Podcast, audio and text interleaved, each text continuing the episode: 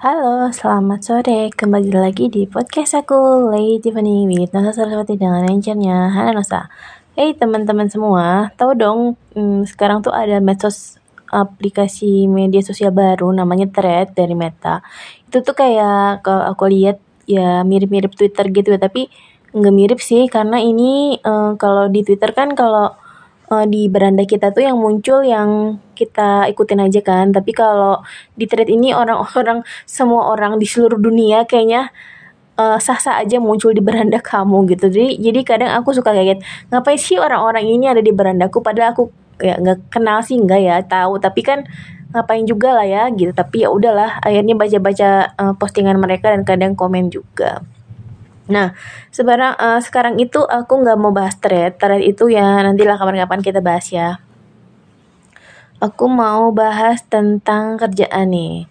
Jadi uh, aku mau uh, ceritain nih kerjaan kerjaan yang aku kerjain ya.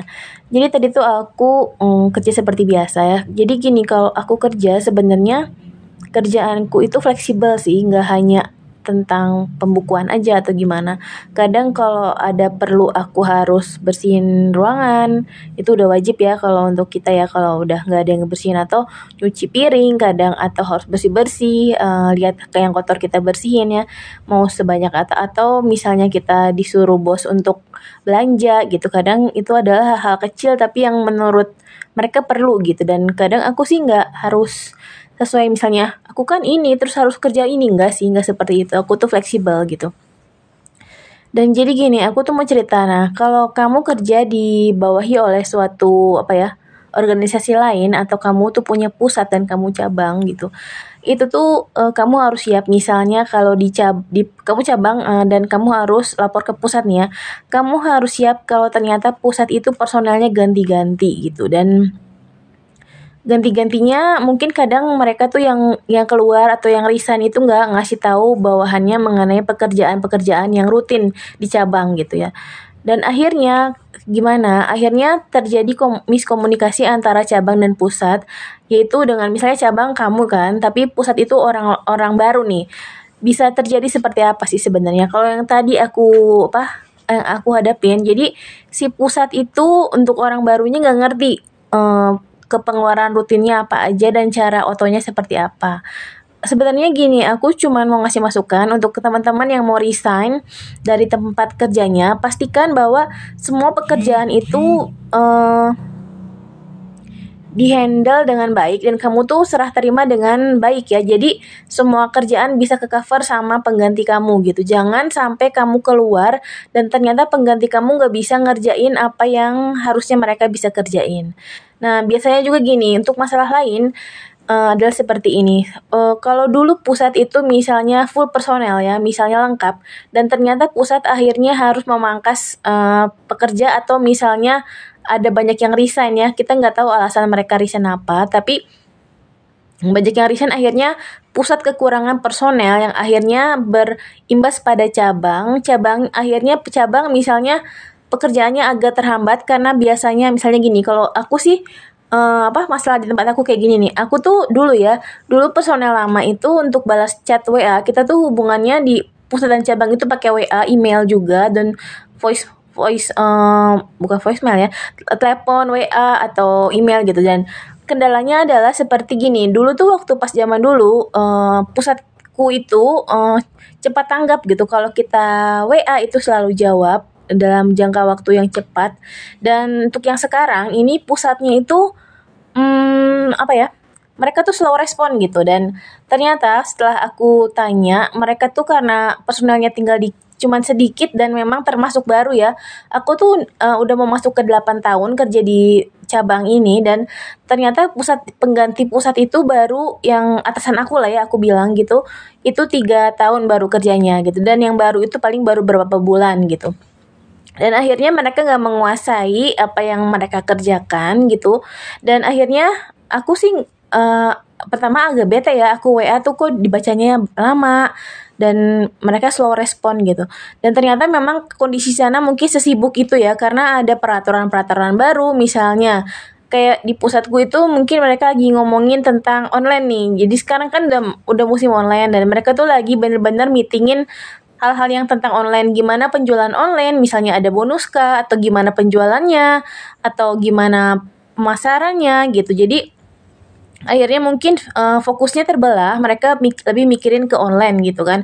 Dan akhirnya tuh hubungan cabang dan pusat menurut aku ya untuk cabang untuk cabang aku nih ya jadi agak tersendat. Karena uh, mereka tuh bisa kayak aku aku WA jam 10 dibacanya setengah 11 gitu dan atau jam 11 jadi aku uh, kenapa aku nggak telepon karena buat aku ya aku juga lagi ngerjain kerjaan yang lain ya. Jadi dan yang aku butuhkan itu adalah untuk chat WA-nya gitu dan itu tuh agak mengganggu buat aku. Jadi Uh, jadi gitu, jadi bisa aja terjadi seperti itu di uh, pekerjaan kalian gitu. Jadi misalnya nih karena pergantian personel, akhirnya perganti ke apa kebiasaannya beda ya. Kalau kayak yang aku dulu uh, personel lama itu chat balas chatnya cepat dan ini ya ampun aku sampai uh, aku punya atasan lagi di cabang. Aku sampai bilang ke atasan aku aduh bener-bener ya uh, apa personel baru seperti ini gitu. Tapi kita nggak bisa kita nggak bisa berbuat apa-apa karena kan yang pusat itu otoritasnya masing-masing ya. Dan kita nggak bisa ya kita bisa kasih masukan tapi kalau buat aku di tempat aku tuh mereka bisa ke nge-counternya bilangnya karena sibuk gitu karena lagi banyak urusan ya. Yang aku tahu memang urusannya lagi tentang masalah penjualan online gitu. Ya udahlah gitu. Jadi kita memang sebagai cabang kadang harus sabar ya. Mungkin uh, sebagai cabang lah dan gini, untuk aku sih uh, karena aku apa ya? Cabang, jadi aku harus benar-benar ngikutin peraturan dari pusat gitu. Jadi pusat itu kadang punya peraturan baru, kebijakan baru yang harus diikutin dan mungkin buat aku nih sebulan belakangan ini agak cukup hektik ya karena banyak eh, kebijakan-kebijakan baru yang ditetapkan pusat karena personel baru. Jadi personel baru mungkin uh, menetapkan beberapa peraturan yang harus dikerjakan oleh uh, cabang. Dan buat aku sih dari per pergantian Eh, personel ini banyak juga kebijakan-kebijakan yang akhirnya harus kita ikutin dan uh, apa sih kita nggak bisa komplain lah ya. Dan akhirnya kita yang harus adjust gitu. Gimana sih cara adjustnya gitu? Cara adjust untuk uh, kita uh, cap kamu yang kerjaannya cabang yang berurusan sama pusat, kamu harus ambil waktu misalnya kalau kamu bisa, kamu datang lebih pagi gitu. Dan kamu siapin pekerjaan-pekerjaan kamu dan harus siap dengan permintaan-permintaan pusat yang uh, mendadak gitu yang sifatnya mendadak. Kadang kita lagi apa mereka minta apa gitu. Karena uh, di aku sih untuk sebulan belakangan ini seperti itu gitu. Jadi banyak permintaan-permintaan mendadak yang dilakukan sama mereka gitu. Dan harus siap juga kalau misalnya kebiasaan baru pusat itu misalnya lebih banyak salah atau gimana kamu harus bisa maklum gitu. Karena kamu tuh cabang gitu dan pusat tuh udah kayak raja lah ya. Mereka mau salah kayak gimana pun kita harus terima gitu. Jadi jadi kayak aku juga seperti itu. Kayak kemarin aku ada masalah nih. Jadi kan ada pemesanan kan aku kerja uh, kerja di toko jual mesin fotokopi ya. Jadi uh, pusat tuh pernah bilang gitu bahwa uh, ada customer yang mau beli mesin ini gitu ya. Jadi kita suruh siapin. Nah, itu aku juga diminta atasanku untuk uh, nyiapin ya, untuk nyiapin dokumen-dokumen yang diperluin. Kita udah nyiapin dokumen-dokumen yang harus ditandatangani sama si uh, pembeli, surat jalan, faktur kayak gitu-gitu dan berita acara penyerahan mesin gitu ya. Kita udah siapin gitu dan ternyata uh, dan aku juga misalnya komunikasi nih sama si pusat ya tolong ya mereka kan ngasih tahu nih tolong ya nanti si pembelinya akan datang jam sekian gitu ya. Oke nanti ditunggu gitu ya. Jadi kan karena datang jam sekian kita perlu siap-siap dong dokumen-dokumennya. Nah kita tentu siapkan ya. Nah setelah itu ternyata melewati waktu yang ditentukan jadi si customernya itu datangnya uh, sore dah. Aku sebelum tutup jam kita kan tutupnya jam 4 nih kalau hari Senin sampai Jumat ya. Dan mereka tuh belum datang sampai setengah empat. Aku harus uh, hubungin uh, pusat ya. Aku aku bilang ke pusat uh, tolong ya ini uh, customernya belum datang sampai jam segini. Uh, aku bilang gitu ya. Yaudah mbak nanti kita juga udah uh, via WA kita udah bilang mereka juga belum ada uh, apa respon katanya gitu. Oke. okay dan tahu nggak sih, aku juga bilang jangan sampai jam 4 ya karena kita mau pulang. Dan ternyata si pembeli itu datangnya jam 4 tepat gitu. Jadi apa sih yang harus kamu lakuin di mana kamu harus pulang dan ternyata customernya itu datang jam 4 dan belum lagi-lagi kejutan nih. Nah, setelah customernya datang ternyata mesinnya itu bukan yang diminta gitu. Padahal kita udah siapin dokumen-dokumen lengkap ya buat mereka tanda tangan dan lain sebagainya. Akhirnya karena kita tuh menganggap pembeli itu adalah raja, jadi kita oh ya udah nggak apa-apa kalau nggak jadi beli mm, nggak apa-apa terserah gitu. Tapi aku nanya ke uh, pembelinya ya kenapa ya uh, kok baru datang jam 4 kita udah kasih tahu tutupnya jam 4 ya tadi jam 2 tuh kita udah berangkat dari sana dan macet. Oh macet selama 2 jam. Oke kita terima aja lah ya alasannya ya udah. Akhirnya apa? Uh, pemba, uh, apa? Mesinnya nggak jadi dibeli sama customer dan kita harus nunggu sampai setengah jam setelah tutup dan akhirnya kita pulang tanpa hasil ya. Memang memang memang mereka belilah spare part sedikit gitu tapi oke okay lah nggak apa-apa. Dan itu jadi belajar gitu bahwa pusat itu juga kadang bisa salah dan uh, apa sih sebenarnya uh, yang mereka bilang. Jadi pusat tuh bisa encounter mereka bilang, "Maaf Mbak, ini karena ada kesalahan atau miskomunikasi antara karyawan mereka gitu." Oke lah nggak masalah. Jadi gimana ya? Kadang kalau kita sebagai cabang, kalau pusat sesalah apa pun mereka, kita harus bisa terima. Dan kita harus siap juga kalau kita punya kesalahan kecil dibesar-besarkan ya, karena itu udah umum seperti itu. Jadi kita harus bisa lebih sabar, lebih bisa nerima dan buat aku sih oke okay, kayak gini nggak masalah. Karena selama 8 tahun kerja baru kejadian seperti ini ya. Jadi buat aku ya nggak masalah sekali-sekali ya. Oke oke aja lah gitu. Dan akhirnya kita belajar gitu bahwa um, kita ngikutin pusat pun ya mereka juga bisa salah gitu. Dan ya kita buang waktu pun ya udahlah kita harus nerima gitu. Dan akhirnya ya udah akhirnya dan itu uh, apa ya udah selesai lah masalahnya gitu. Jadi uh, gimana pun kita sebagai cabang harus siap gitu. Apa yang diminta kalaupun sampai gagal pun ya udah kita nggak bisa bilang apa-apa lah ya gitu. Jadi itu yang masalah terjadi di kantorku kemarin. Nah, udah gitu nih kayak tadi aku punya masalah nih. Kita tuh biasa kita punya reklame kan di tokoku kan ya.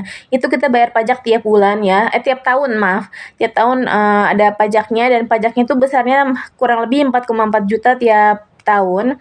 Dan Uh, biasanya aku udah beberapa tahun ini karena pajaknya baru mungkin ada sekitar lima tahun atau enam tahun kita biasa minta dana ke pusat untuk dicairkan ya uh, untuk dibayarkan pajaknya nanti. Dan untuk yang kali ini aku sampai bingung, aku dimintain data-data segala macam dan aku bingung karena biasanya kita nggak harus ngasih data itu mereka udah keluarin uang ya. Aku mungkin mungkin karena memang kondisi memang lagi susah ya, mereka juga mikir-mikir ini ngeluarin duit segini buat apa gitu. Tapi sebenarnya itu udah merupakan pengeluaran rutin gitu. Dan mereka sampai buru-buru ini ya udah kita mau mintain ACC nih sama atasan nanti cepet-cepet keluar gitu. Aku sampai bingung karena prosedurnya nggak seperti itu kalau tahun-tahun kemarin. Jadi prosedurnya itu kita ngasih tahu nih ya nggak ngasih tahu waktu awal tapi kita nggak perlu ngasih tahu juga mereka udah tahu gitu biasanya ya. Dan uh, aku ngasih info memang ke mereka bahwa kita mau akhir bulan mau ada pembayaran uh, pajak dan jadi uangnya harus di hold dulu ya aku udah ngasih tahu dan ternyata orangnya bilang Mbak ini besarnya berapa biar kita mintain ACC? Aku bilang Mbak jangan seperti itu karena prosedurnya itu kita nanti masuk ke situs, kita masukin langkah-langkahnya dan, baru baru keluar SKPD ya surat ketetapan pajak daerahnya baru keluar. Nah setelah itu baru kita bayar gitu dan akhirnya mereka tuh apa ya terlalu terburu-buru dan jadinya aku juga bingung loh kenapa ya? Aku sampai nanya ini kenapa seperti ini ya? Biasanya kan gak seperti ini. Terus yang megang kok sekarang beda orang ya? Akhirnya aku konfirmasi ke sampai ke tiga orang dan jawabannya masing-masing beda gitu. Karena ya memang tau lah namanya pusat itu personalnya ganti-ganti kan.